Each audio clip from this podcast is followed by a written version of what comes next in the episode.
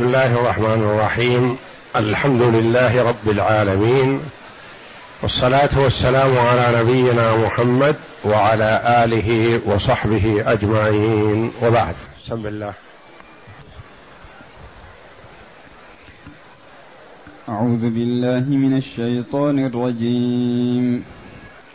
يمحق الله الربا ويربي الصدقات. والله لا يحب كل كفار أثيم. إن الذين آمنوا وعملوا الصالحات وأقاموا الصلاة وآتوا الزكاة لهم أجرهم عند ربهم لهم أجرهم عند ربهم ولا خوف عليهم ولا هم يحزنون. هاتان الآيتان الكريمتان من سورة البقرة جاءتا بعد قوله جل وعلا الذين يأكلون الربا لا يقومون إلا كما يقوم الذي يتخبطه الشيطان من المس.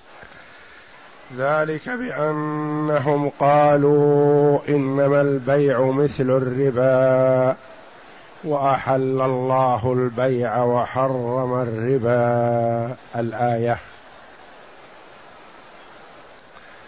يقول جل وعلا يمحق الله الربا ويربي الصدقات. تقدم الكلام عن الصدقات والكلام عن الربا. الصدقات في الآيات السابقة والربا في الآية التي قبل هذا. فالله جل وعلا يبين حكمه في الأمرين. يمحق الله الربا ويربي الصدقات. والمحق هو الذهاب. محق كذا بمعنى ذهب. فالربا يذهب. وهذا الذهاب قد يكون حسيا وقد يكون معنويا. حسيا يخسر. ويذهب المال. يرابي ثم يذهب. فيتحسر عليه صاحبه. لأن الله جل وعلا محقه. حتى وإن تكاثر عنده أيام فإن مآله إلى القل كما جاء في الحديث. الربا وإن كثر فإن مآله إلى القل. فيذهب حسيا ويبقى صاحبه فقيرا بعد أن كان عنده الملايين. يمحق الله الربا. وقد يكون المحق معنويا. ما يدركه كثير من الناس. الساهل غافل. المولع بجمع المال. من حلال أو حرام ما يدرك هذا. يكون المال لا خير فيه ولا بركة فيه ولا يقبل الله جل وعلا منه صدقة إن تصدق ولا حجا إن حج منه ولا صلة إن وصل منه ولا يبارك له في ولده. إذا أطعمهم منه. فينشأون نشأة فاسدة والعياذ بالله. لأنهم أطعموا الحرام. وهذا محق معنوي. يعني ما يدركه الكثير من الناس. لأنه يرى المال يتكاثر عنده. فيظن أنه على خير. بينما هو ممكور به والعياذ بالله. يتكاثر عنده المال لكن لا خير فيه ولا بركة. ولا يريحه لأنه تجده يلهث ويسعى السعي الحثيث ويرهق نفسه في تجميع الأموال وتكثيرها. فيكون ماله هذا ممحوق البركة. يمحق الله الربا ويربي الصدقات. يربي الصدقات يربي المال الذي بذلت منه الصدقة وأخرجت زكاته ينمو ويزيد ويتكاثر.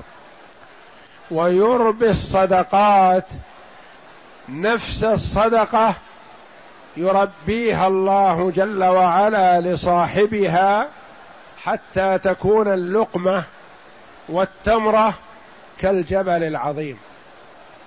لأن الله جل وعلا ينميها لصاحبه فتنمو وتزداد وتكون في ميزانه يوم القيامة كالجبل العظيم.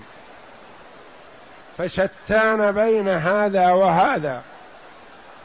يقارن الله جل وعلا بين الأمرين ليدرك العاقل الفرق بين من يمتص أموال الناس وبين من يبذل من ماله ويعطي إخوانه الفقراء والمساكين.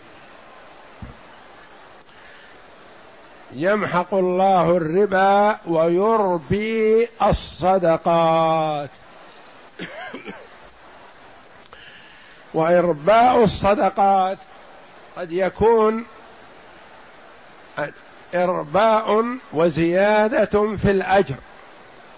فالصدقة التي يتصدق بها شيء يسير حسب القدرة وحسب الاستطاعة وحسب الموجود قد تكون تمرة واحدة كما فعلت عائشة رضي الله عنها. لما جاءتها المسكينة لم تجد عندها إلا تمرة واحدة ما ردتها أعطتها التمرة. ومع المسكينة الفقيرة هذه ابنتان لها فشقت التمرة بينهما.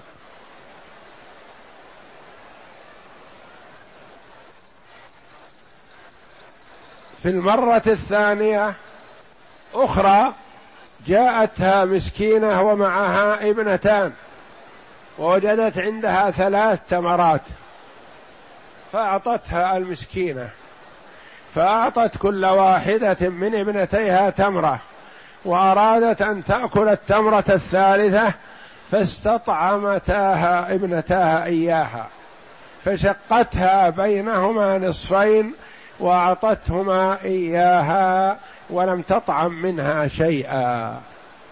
هذا الموجود عندها وهذا المتيسر ولم تعتذر منها أو تمنع العطاء ولم تستقل هذا لأن الصدقة وإن قلت من الكسب الطيب الحلال فإن فيها بركة. وينتفع بها صاحبها.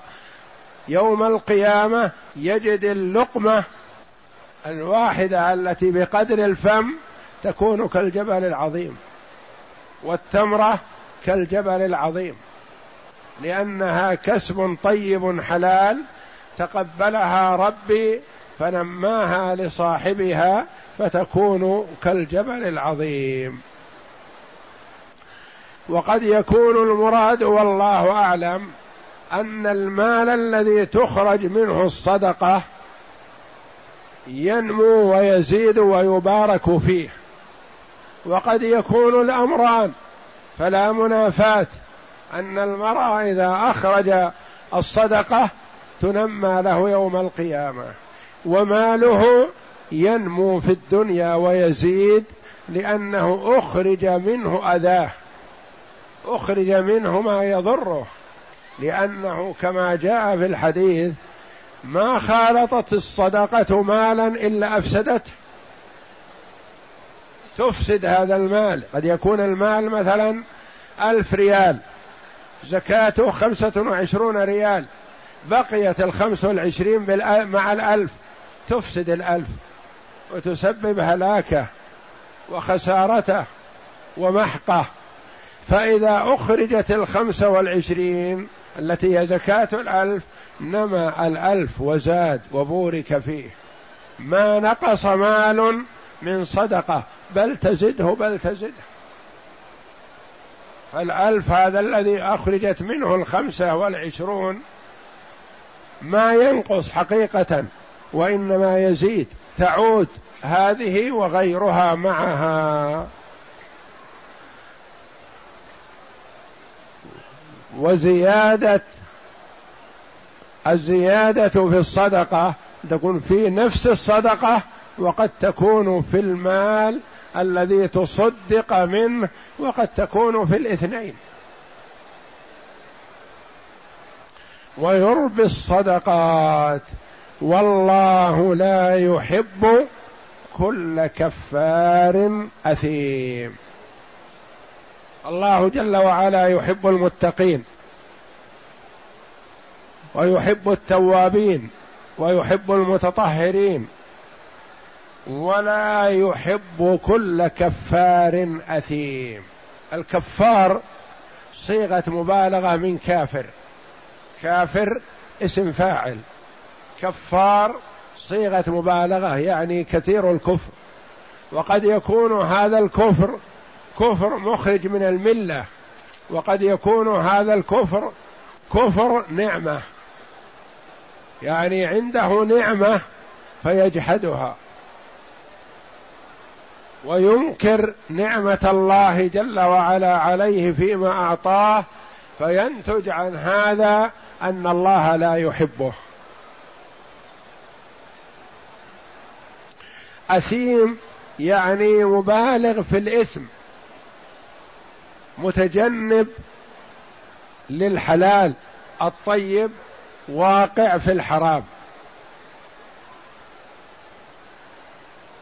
فيبين جل وعلا أن من كفر نعمة الله عليه فإن الله جل وعلا لا يحبه. وإذا خسر محبة الله جل وعلا خسر الدنيا والآخرة والعياذ بالله. وفي هذه الآية الكريمة إثبات صفة المحبة لله جل وعلا على ما يليق بجلال الله وعظمته. فالله جل وعلا يحب التوابين ويحب المتطهرين يحب الصادقين يحب الصالحين ولا يحب من تجاوز الحد وطغى أو كفر أو كذب أو افترى على الله. والله لا يحب كل كفار أثيم. اقرأ.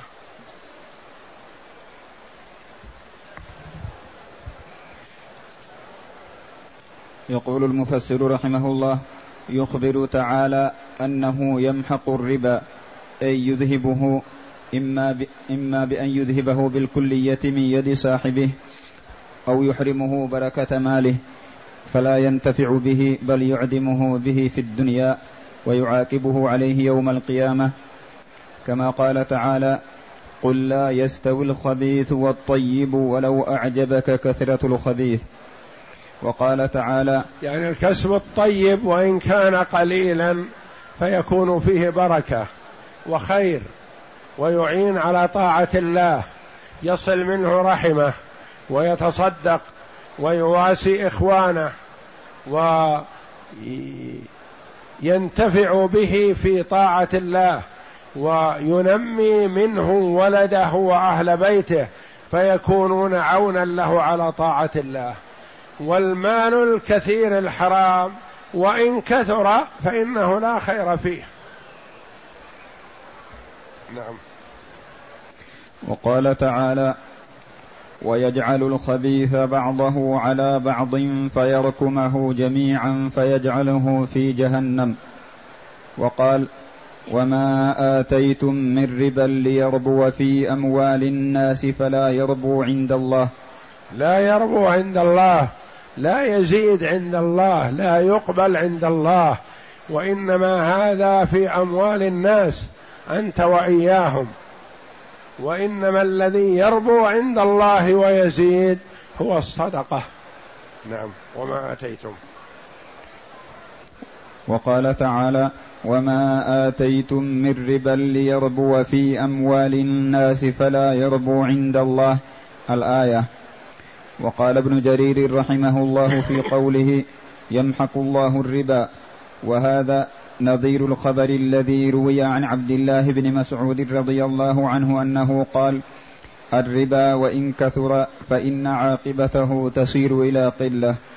تصير إلى قلة تقل. يعني حتى وإن كثر المال فعاقبته الخسارة والهلاك والعياذ بالله. نعم. وهذا الحديث وهذا الحديث قد رواه الإمام أحمد رحمه الله في مسنده عن ابن مسعود عن النبي صلى الله عليه وسلم قال إن الربا وإن كثر فإن عاقبته تسير إلى قلة. وهذا من باب المعاملة بنقيض المقصود. كما قال صلى الله عليه وسلم من احتكر على المسلمين طعامهم ضربه الله بالإفلاس والجذام. يعامل بنقيض قصده. يعني يرابي من أجل أن تكثر أمواله فيعاقبه الله بالخسارة. يحتكر ما الناس في حاجة إليه ولا يقنع بالربح اليسير يعاقبه الله جل وعلا بالإفلاس قبل الموت. وقوله تعالى ويربي الصدقات قرئ بضم الياء والتخفيف من ربى الشيء يربو أي كثره ونماه. وقرئ يربي بالضم والتشديد من التربية. قال البخاري رحمه الله عن أبي هريرة رضي الله عنه قال قال رسول الله صلى الله عليه وسلم من تصدق بعدل تمرة من كسب طيب ولا يقبل الله إلا الطيب. ولا يقبل الله إلا الطيب. إن الله طيب لا يقبل إلا طيبا. نعم. من تصدق بعدل تمرة من كسب طيب ولا يقبل الله إلا الطيب فإن الله يتقبلها بيمينه ثم يربيها لصاحبها كما يربي أحدكم فلوة حتى يكون يعني فرسة. ولد الفرس الإنسان يعتني به ليستفيد منه مستقبلا. كما يربي أحدكم فلوه حتى يكون مثل الجبل. وقال رسول الله صلى الله عليه وسلم إن الله عز وجل يقبل الصدقة ويأخذها بيمينه فيربيها لأحدكم كما يربي أحدكم مهره أو فلوه حتى إن اللقمة لتصير مثل أحد. وتصديق ذلك في كتاب الله يمحق الله الربا ويربي الصدقات. وعن أبي هريرة رضي الله عنه قال قال رسول الله صلى الله عليه وسلم إن العبد إذا تصدق من طيب يقبلها الله منه فيأخذها بيمينه ويربيها كما يربي أحدكم مهره أو فسيله. وإن الرجل ليتصدق باللقمة فتربو في يد الله أو قال في كف الله حتى تكون مثل أحد فتصدقوا. وعن عائشة رضي الله عنها أن رسول الله صلى الله عليه وسلم قال إن الله ليربي لأحدكم التمرة واللقمة كما يربي أحدكم فلوه أو فصيله حتى يكون مثل أحد.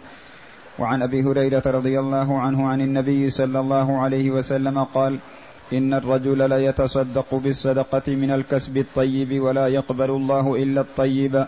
فيتقبلها الرحمن بيده فيربيها كما يربي أحدكم فلوه أو وسيفة.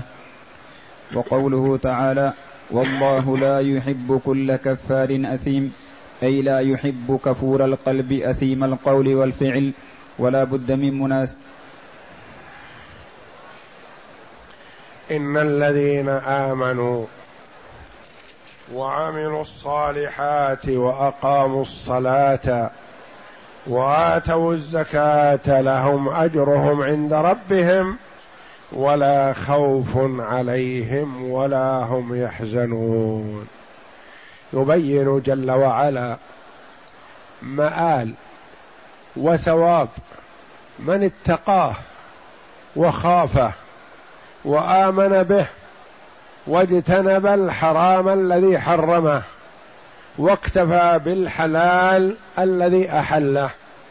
إن الذين آمنوا وعملوا الصالحات قد يقرن جل وعلا بين الإيمان والعمل الصالح وقد يأتي الإيمان وحده وقد يأتي العمل الصالح وحده. فإذا قرنا معا فلكل واحد منهما معنى. وإذا ذكر أحدهما شمل الآخر. فلا يتم الإيمان إلا بالعمل الصالح. ولا يتم ويصلح العمل الصالح إلا بالإيمان. فإذا ذكر معا اختلفا فيكون الإيمان المراد به عمل القلب التصديق. واليقين والتوجه إلى الله جل وعلا والإيمان به والعمل الصالح عمل الجوارح من الصلاة والصيام والصدقة وبر الوالدين وصلة الأرحام والإحسان إلى المحتاجين وغير ذلك من الأعمال التي يحبها الله جل وعلا. إن الذين آمنوا وعملوا الصالحات فلا يصلح الإيمان بدون عمل كما أن العمل ما يصلح بدون إيمان بلا بد منهما معا. وأقاموا الصلاة وآتوا الزكاة. إقامة الصلاة وإيتاء الزكاة أليس من العمل الصالح؟ لكن الله جل وعلا نوه عنهما بيانا لأهميتهما. كما يذكر جل وعلا الملائكة وجبريل وميكائيل. جبريل وميكائيل من الملائكة. ولكن الله جل وعلا ينوه عما له زيادة فضل.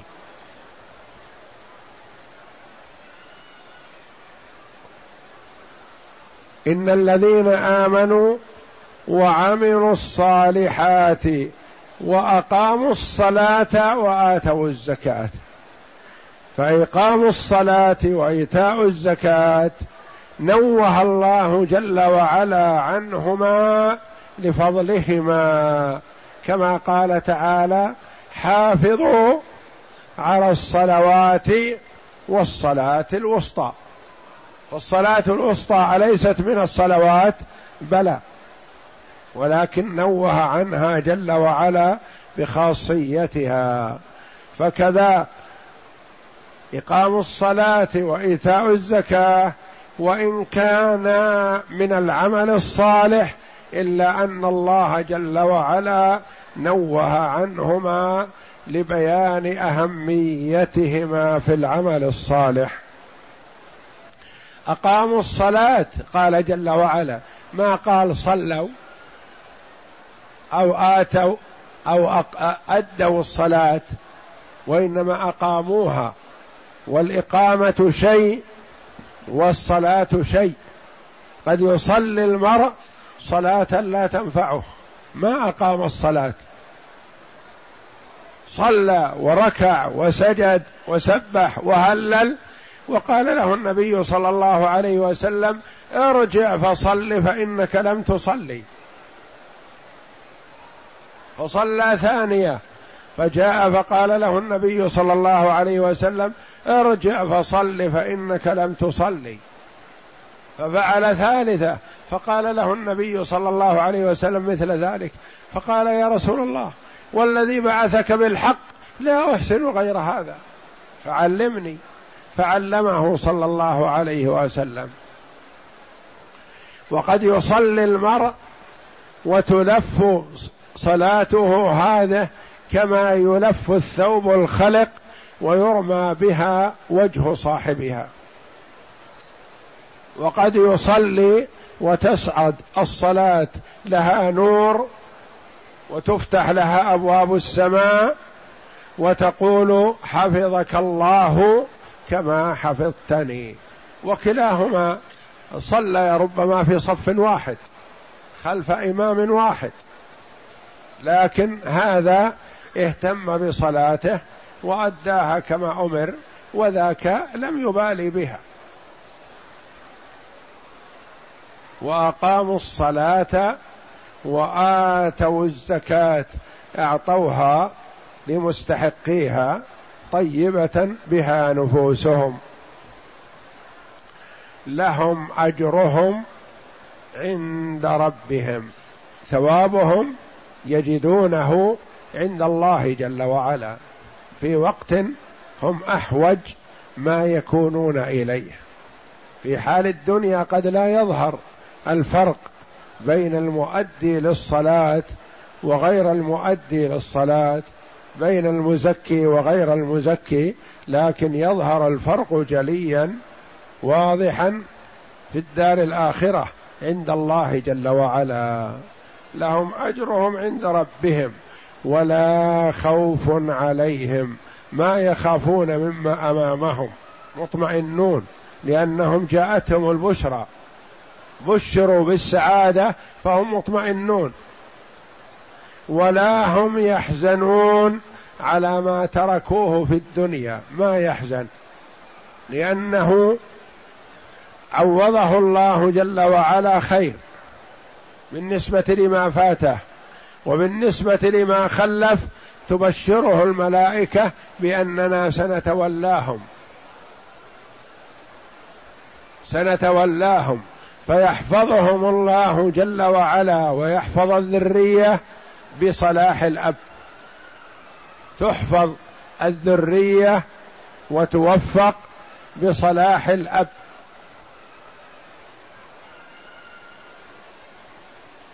لا تخافوا ولا تحزنوا وأبشروا بالجنة التي كنتم توعدون.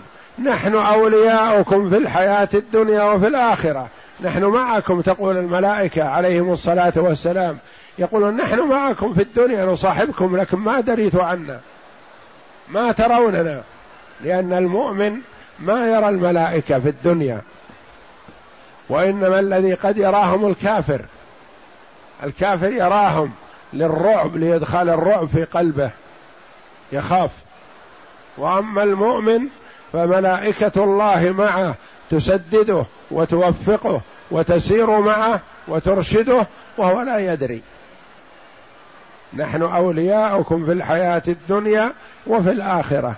ولكم فيها أي في الآخرة ما تشتهي أنفسكم ولكم فيها ما تدعون أي تطلبونه من الله جل وعلا. لهم أجرهم عند ربهم ولا خوف عليهم ولا هم يحزنون. فرق بين الخوف وبين الحزن. الفرق الخوف مما أمامك لا تخاف. أمامك الخير والسعادة. ولا تحزن على ما تركت. لا تحزن على ما فاتك من متاع الدنيا. سيعوضك الله خير مما فاتك. فتلك البشارة العظيمة التي يبشر الله جل وعلا بها عباده وأتى بها جل وعلا هنا بعد آيات الربا وفي أثنائها وتأتي بعض الآيات في أحكام الربا بعدها لترغيب المؤمن في الإيمان بالله جل وعلا والعمل الصالح والبعد عما يغضب الله جل وعلا. أقرأ. ولا بد من مناسبة في ختم هذه الآية بهذه الصفة وهي أن المرابي لا يرضى بما قسم الله له من الحلال ولا يكتفي بما شرع له من الكسب المباح فهو يسعى في أكل أموال الناس بالباطل بأنواع المكاسب الخبيثة فهو جحود لما عليه من النعمة ظلوم آثم بأكل أموال الناس بالباطل ثم قال تعالى مادحا للمؤمنين بربهم المطيعين أمره المؤدين شكره المحسنين إلى خلقه في إقامة الصلاة وإيتاء الزكاة مخبرا عما أعد لهم من الكرامة وأنهم يوم القيامة من التبعات آمنون. فقال إن الذين آمنوا وعملوا الصالحات وأقاموا الصلاة وآتوا الزكاة لهم أجرهم عند ربهم لهم أجرهم عند ربهم ولا خوف عليهم ولا هم يحزنون. والله أعلم. وصلى الله وسلم وبارك على عبده ورسول نبينا محمد وعلى آله وصحبه أجمعين.